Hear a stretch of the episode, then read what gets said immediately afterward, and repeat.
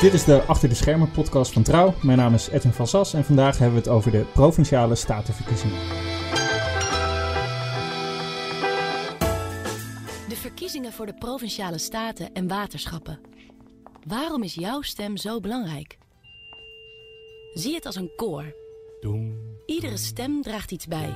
De Provinciale Staten en Waterschappen werken het best wanneer we allemaal worden gehoord. Want elke stem telt. Waar gaan deze Provinciale Statenverkiezingen over?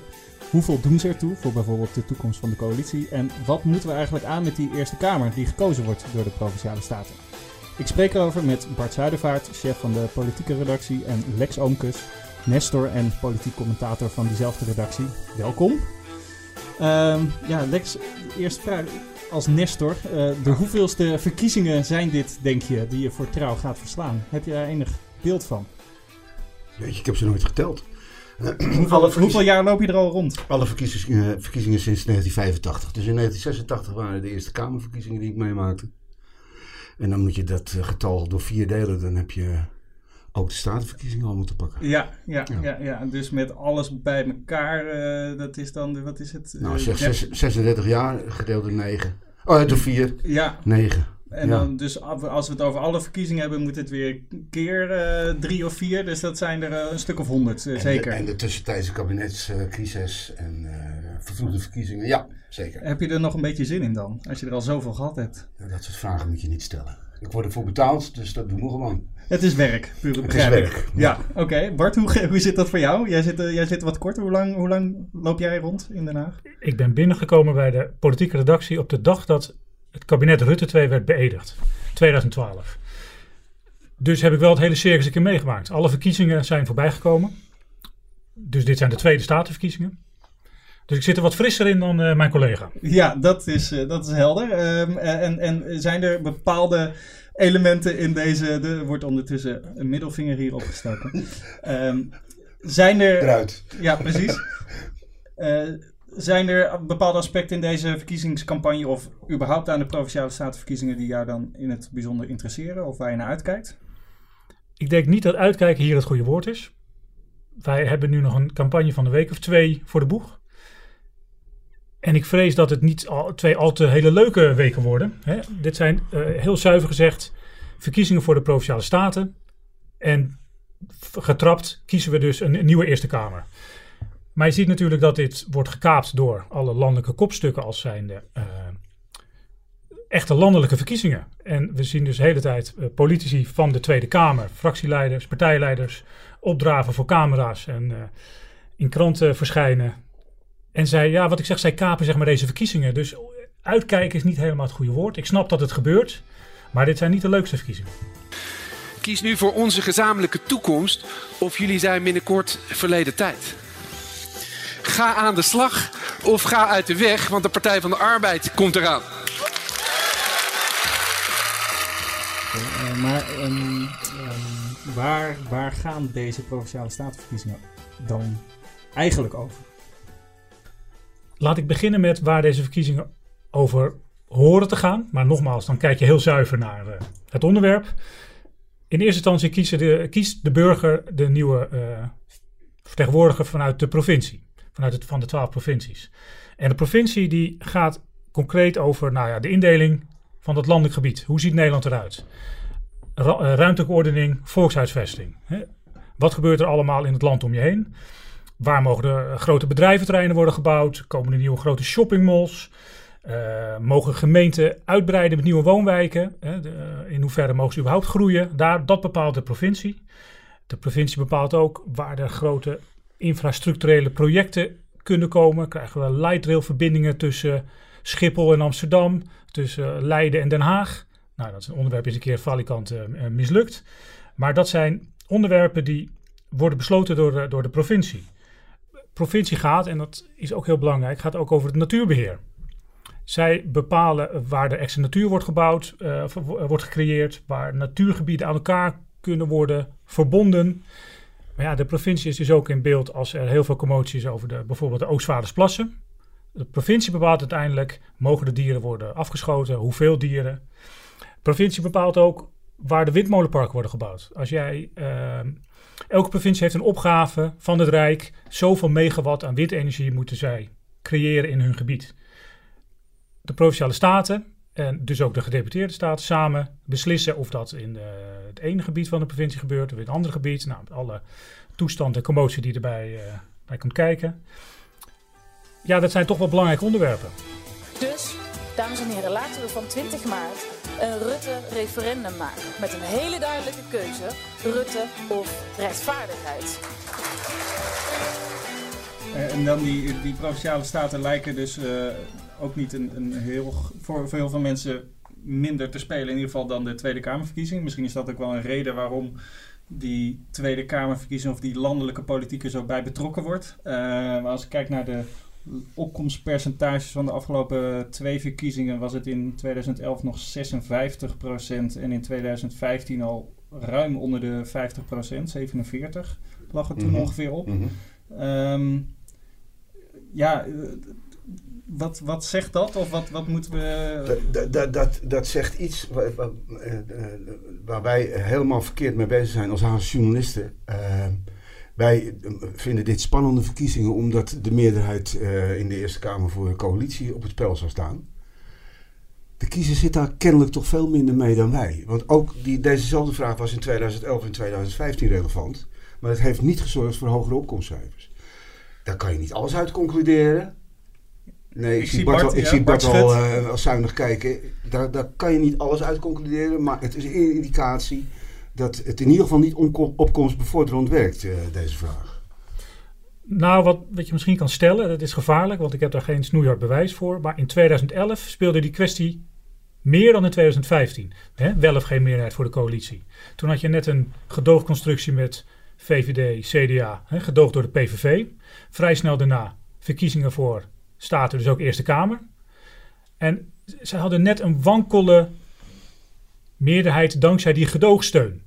In 2015 zat het kabinet Rutte II.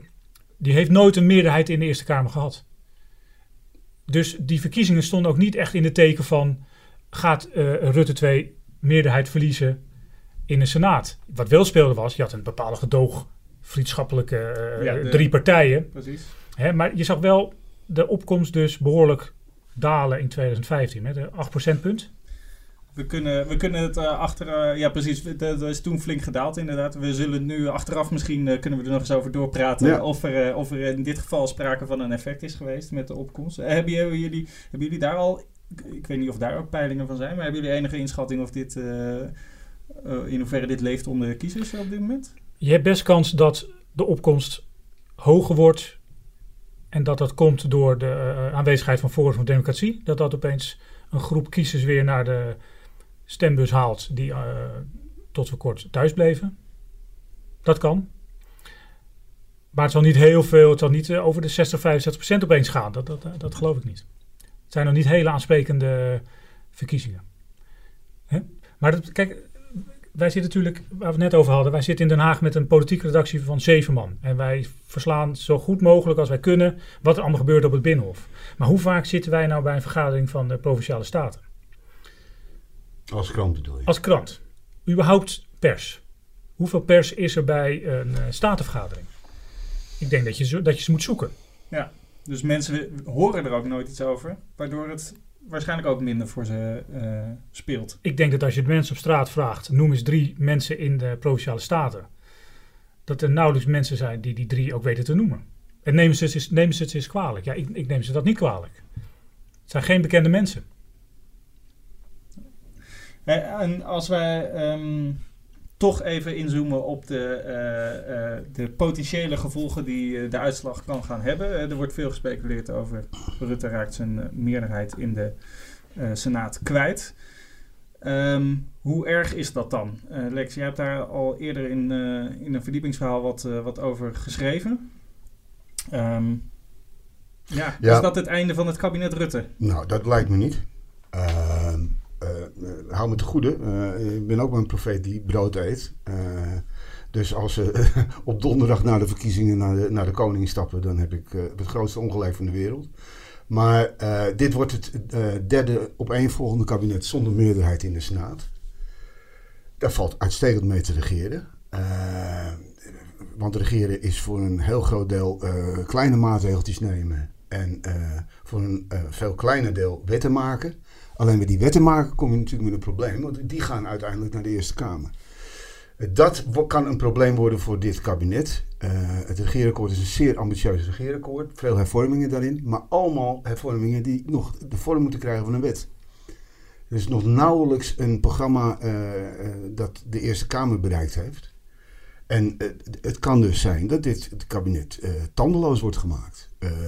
de handen op de rug worden gebonden. Welk beeld wil je gebruiken? maar dat wil nog niet zeggen dat dit kabinet dus ook gaat vallen. En dat hangt allemaal ook af van de opstelling die de uh, oppositie in de Tweede Kamer, uh, de, de oppositiepartijen gaan aannemen, neem ik aan. De eerste tekenen zijn niet bepaald hoopgevend hè, voor de coalitie. Je ziet dat er zijn bepaalde oppositiepartijen meer aan de flanken.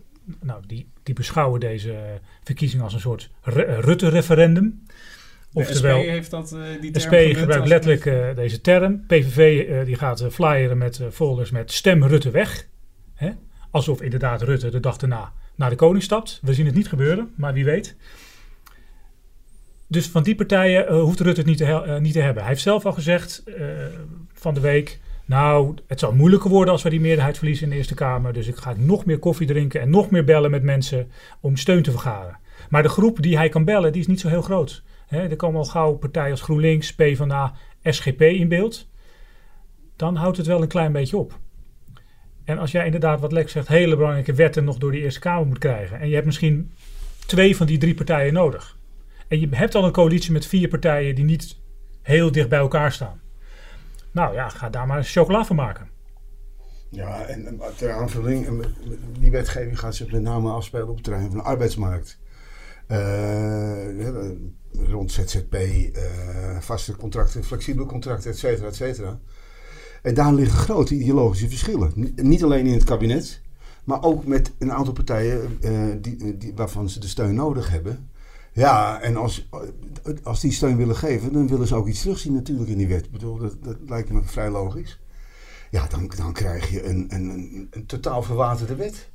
Het is de vraag of, of uh, in dit geval Wouter Koolmees daar veel zin in heeft. Ik bedoel, uh, wat, heeft dat voor zin? Is hij dan nog met een hervorming bezig of is hij bezig de lieve vrede te bewaren? Dat, dat maakt het lastig. Dat maakt het lastig. En uiteindelijk, theoretisch, zou dat ook een overweging kunnen zijn van ja, we stoppen ermee. Want we zijn, we zijn totaal tandeloos geworden. Dat zou kunnen, maar het is geen automatisme. En wat Lex niet noemt is natuurlijk het klimaatbeleid. Ja. er komt een klimaatakkoord aan. Ja, Lex haalt zijn schouders op, want dat is ook in de, oh ja, dat dingetje is er ook nog. Nou, het is een majeure uh, operatie.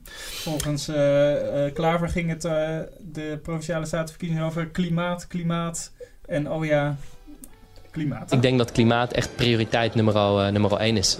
en dat het daar ja, klimaat, klimaat en klimaat zal zijn. Klimaat, klimaat en klimaat. Ja, en misschien ook wel klimaat. Oh, nog, nog een keer klimaat had ik hier aan toe moeten voegen. Ehm, Voor Jesse Klaver munt dit als klimaatverkiezingen. En hij heeft een harde eis op tafel gelegd. Er valt na de verkiezingen alleen met ons te praten over klimaat als die CO2-belasting voor de vervuilende industrie er komt. En anders hoef je ons niet te bellen. Je hoeft geen koffie te drinken met mij. En dat is dan toch wel ingewikkeld voor de coalitie. Want daar, de VVD is daar tegen, CDA doet moeilijk. Daar zullen ze uit moeten komen. En misschien hebben ze niet alleen GroenLinks nodig, maar dan ook nog de PvdA. Die dit ook vindt. Dus heel veel succes. Ja, Oké, dat, uh, dat gaan we dan dus zien. Um, ja, voor, voor welke partijen zijn deze provinciale statenverkiezingen extra spannend? Uh, of uh, staat er veel op het spel? je noemde al even, Bart, dat Forum voor Democratie voor de eerste keer meedoet hieraan. Ehm, ja, wat, wat, wat, wat is jouw beeld van hoe zij dat hebben voorbereid en, en hoe ze dat gaan doen? Nou, ze maken een vrij stormachtige entree hier. Ze doen in alle provincies mee. En dat is, het is niet gezegd dat nieuwe partijen dat ook automatisch doen.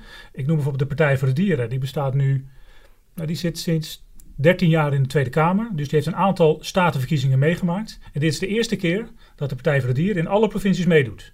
Oftewel, die maakt een hele stapsgewijze opbouw van de partij door. Uh, Forum voor Democratie doet dat niet.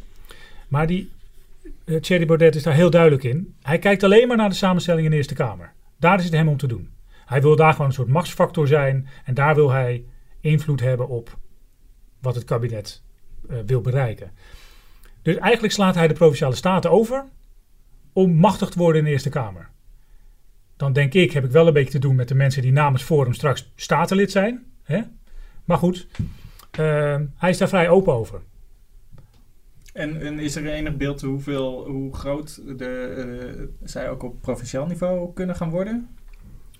Zeg maar, het, want in de, in de provinciale staten worden natuurlijk ook daaruit worden weer een bestuurslaag ook weer gekozen. Zou, zou, zou de Forum mensen daarvoor bijvoorbeeld in aanmerking kunnen komen? Of, of zie jij voor, is, voor, doet Forum echt alleen maar mee voor die, voor die senaatzetels en zijn ze waarschijnlijk niet eens geïnteresseerd in het besturen van de provincie?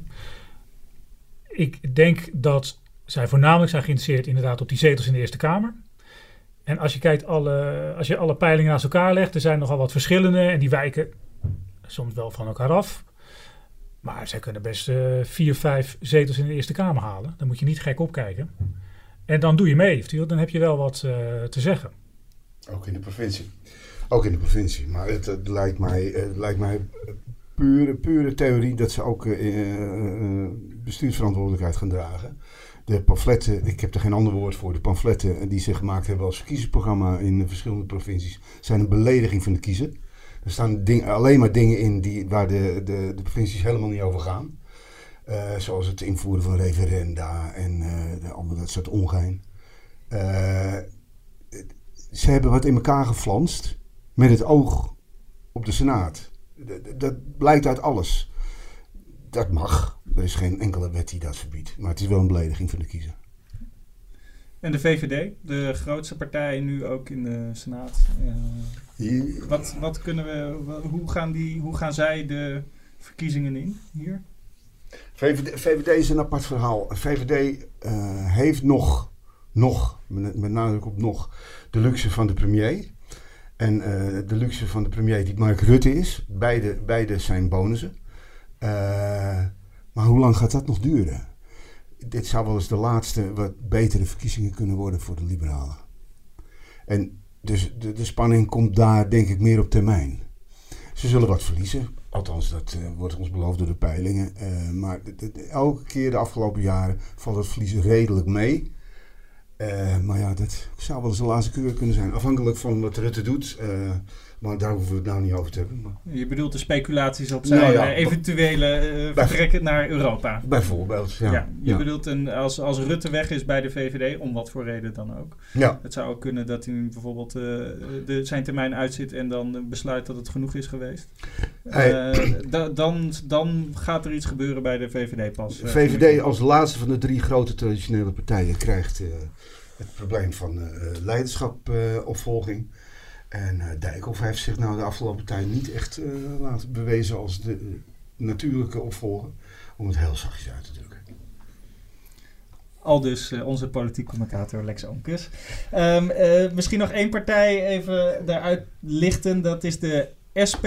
Onder de enige vrouw ook volgens mij. In de, nou ja, Partij voor de Dieren natuurlijk. Even kijken. Ja. ja. maar die gaat voor het eerst volgens mij een verkiezing trekken. Of is het de Tweede, nee, de Tweede Kamer ook al? Het zijn haar eerste statenverkiezingen in ieder geval. Eerste statenverkiezingen voor oh, Lilian Marijns. Ja, ja. Ja. Uh, ja wat, wat verwacht jij van de SP en de koers die zij nu varen ten opzichte van bijvoorbeeld uh, het kabinet? Nou, ten eerste even over, over de SP. Het wonderlijke is toch wel dat ook onder Lilian Marijnse lijkt het wel die partij niet groter te kunnen worden dan, dan dat die nu is. De, de, de, natuurlijke top is bereikt. Je had op een gegeven moment een uitschieting met Emiel Roemer. Die had op enig moment 25 zetels in de Tweede Kamer. Dat zakte door omstandigheden weer in. Op een gegeven moment zijn ze een soort gestabiliseerd op 15, 16 zetels. En als partij die de hele tijd keihard oppositie kan voeren, geen verantwoordelijkheid draagt, hoeft te dragen. En desondanks niet groeit in peilingen. Terwijl je ziet dat coalitiepartijen dalen. En GroenLinks profiteert daar enorm van. De rechtspopulistische partijen groeien ervan. Maar de SP niet, niet of nauwelijks. Soms krimpen ze zelfs in peilingen. Dan geeft het wel te denken. Of er, of er, of er nog rek in zit. Of, dit, of, dit, of ze gewoon, zich gewoon moeten realiseren dat dit het is. En dat er, meer, uh, dat er niet meer potentieel is. Maar ja, je ziet nu ook wel een, weet niet of je een koerswijziging moet noemen, maar wel een soort verharding van het standpunt op integratiegebied. Hè. Je zag laatst uitlatingen van Lilian Marijnissen over arbeidsmigranten. Was ze opeens heel overdreven, knaf overdreven, opvallend kritisch op. Ze waren altijd wel gematigd kritisch, maar nu was ze wel heel uitgesproken. En hè, ze, ze, longt denk ik naar een bepaalde kiezersgroep die sociaal-economisch behoorlijk links is, maar cultureel gezien veel rechtser. Daar zit, daar zit een gat, dat hebben meer onderzoek aangetoond. En daar zit ze nu in te vissen. En nu moet blijken of zich dat ook gaat uitbetalen. Of ze daar ook e-, e-, effect mee sorteert.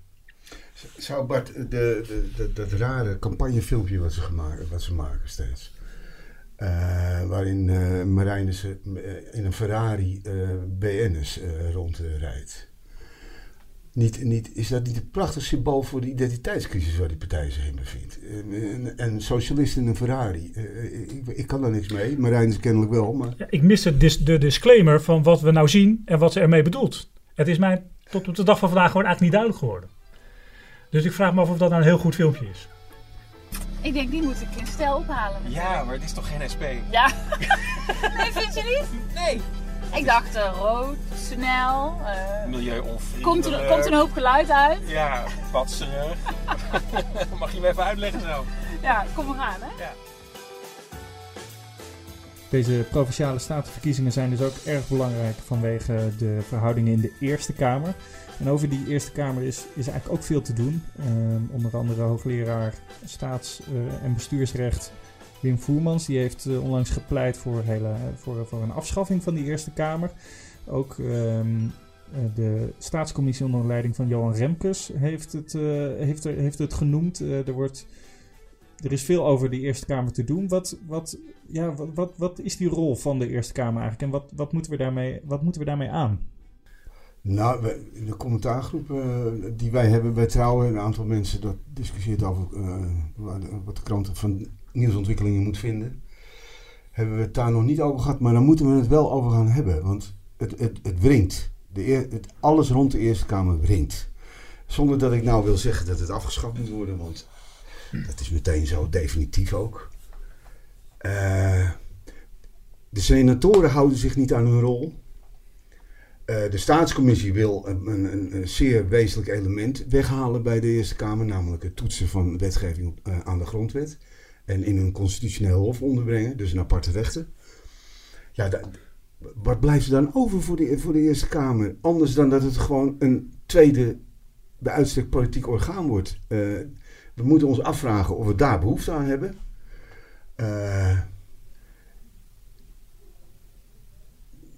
het is in ieder geval, laat ik daarmee afsluiten. Het in ieder, was in ieder geval niet de bedoeling van uh, Thorbecke toen hij de Tweede Kamer handhaafde in 1848. Maar is de rol van de Eerste Kamer dan ook in de afgelopen decennia veranderd? In de zin van dat, het, dat je zegt dat, het nu, dat er nu expliciet aanleiding is om over de de rol slash toekomst van de Eerste Kamer na te denken? Is die, is die ja, actueler dan... dan hij, hij, is, hij is wel veranderd. Hij, uh, hij verandert uh, ook door, door de kiezer en door de verkiezingscampagnes van de afgelopen jaren. De, uh, de Chambre de Réflexion, zoals die ooit bedoeld was, is het al lang niet meer. Um, Vroeger zaten daar toch meer mensen in die hun sporen verdiend hadden in bestuur of in wetenschap of waar dan ook, bedrijfsleven. tegenwoordig zie je uh, Vos, alle respect voor mevrouw Vos, daar gaat het helemaal niet om, maar opeens als, als nummer 1 van de, eerste, van de Arbeid in de Eerste Kamer naar voren komen. Ja, dat is, dat is in mijn ogen nog iemand die gewoon in de Tweede Kamer hoort te zitten en daar politiek dient te bedrijven. Uh, en niet een Eerste Kamerlid. Ja. Nou, ik weet het gewoon niet. Ik, ik ben er ook zelf nog niet uit of de Eerste Kamer moet blijven bestaan. Maar zoals het nu gaat, gaat het niet goed. In ieder geval. Nou ja, ter aanvulling wat, wat Lex zegt, dat gaat natuurlijk ook over de taakopvatting van senatoren. In hoeverre stel je je onafhankelijk op? Of zie je jezelf ook als, in, in geval als je lid bent van de coalitie, als uitvoerder van het regeerakkoord? En er zijn natuurlijk senatoren van de coalitie die redelijk duidelijk maken dat zij zich gebonden voelen aan het regeerakkoord. En in de praktijk blijkt dat ook zo. We hebben natuurlijk een interview gelezen met de Kamervoorzitter, mevrouw uh, Ankie Broekers-Knol, die ook gewoon heel eerlijk toegaf dat ze wel eens voor wetten heeft gestemd, omdat het nou eenmaal moest. En achteraf dacht ze, had ik niet moeten doen. Die wet zat niet goed genoeg in elkaar. En bij uitstek is de taak van een senator om te toetsen of een wet goed in elkaar zit. En als dat gewoon herhaaldelijk gebeurt, ja, dan is er wel, nou, dan, dan klopt er iets niet. Ja, we zijn één ding vergeten in deze podcast uh, om ook te bespreken. En dat is die andere verkiezing die, uh, die er ook uh, aan zit te komen. op dezelfde dag dat we stemmen voor de Provinciale Staten gaan we ook stemmen voor de waterschappen. Toch? Vraag je Zeker. dan even? Zeker. Ja, niet iedereen denk ik. Gok ik zo. Die opkomst nou, het goede is dat die uh, verkiezingen gebundeld zijn. Dus dat mensen staan er toch in het stemhokje. Dus denken ze, nou laat ik dan ook maar de partij aanvinken voor die waterschappen. Want stel je voor dat het niet zo zou zijn. Dat er een aparte verkiezingsdag voor de waterschappen was. Ja, dan wens ik de mensen in het uh, stembureau heel veel succes. En heel veel sterkte. Maar dan komen er niet heel veel mensen. Het probleem met die waterschappen is, het leeft totaal niet. Mensen hebben natuurlijk helemaal totaal geen idee hoe die waterschappen zijn georganiseerd, wie erin zit. Er wordt niet echt campagne voor gevoerd. Er komen geen mensen langs de deur. We zien geen nauwelijks spotjes. Terwijl die waterschappen natuurlijk wel heel belangrijk werk doen. Hè? Uh, ze beschermen ons. Dus er is reden om, uh, om ze te koesteren. Maar de vraag is, moeten wij bepalen wie in die waterschappen zitten? Ja, ik was er tot, tot, tot voor uh, zeer kort ook, zeer, stond ik er zeer ambivalent in. Maar ik heb uh, uh, is een stemwijzer gedaan voor de wa waterschappen. Dat raad ik echt iedereen aan om dat te doen. die bestaan voor elk waterschap. En je komt daar echt bij uitstek zeer grote politieke problemen tegen. Het, is, het is echt geweldig. we moeten veel meer aandacht voor waterschappen hebben. Een, een, simpele vraag. Hoe hoog moet de grondwaterstand zijn in jouw waterschap? Dat is een heel belangrijke vraag. Zeker voor de boeren, die hem zo laag mogelijk willen hebben. En voor natuurbeschermers die hem zo hoog mogelijk willen hebben. Zie daar het politieke dilemma. Dus het zijn wel degelijk belangrijke verkiezingen. Doe een stemwijzer, mensen. Dit was de Achter de Schermen podcast van Trouw. Ik dank Bart Zuidervaart en Lex Oomkes. En wilt u zich op deze podcast abonneren? Dat kan via Spotify, iTunes of bijvoorbeeld Soundcloud. En ik wens u een fijn feest van de democratie op 20 maart.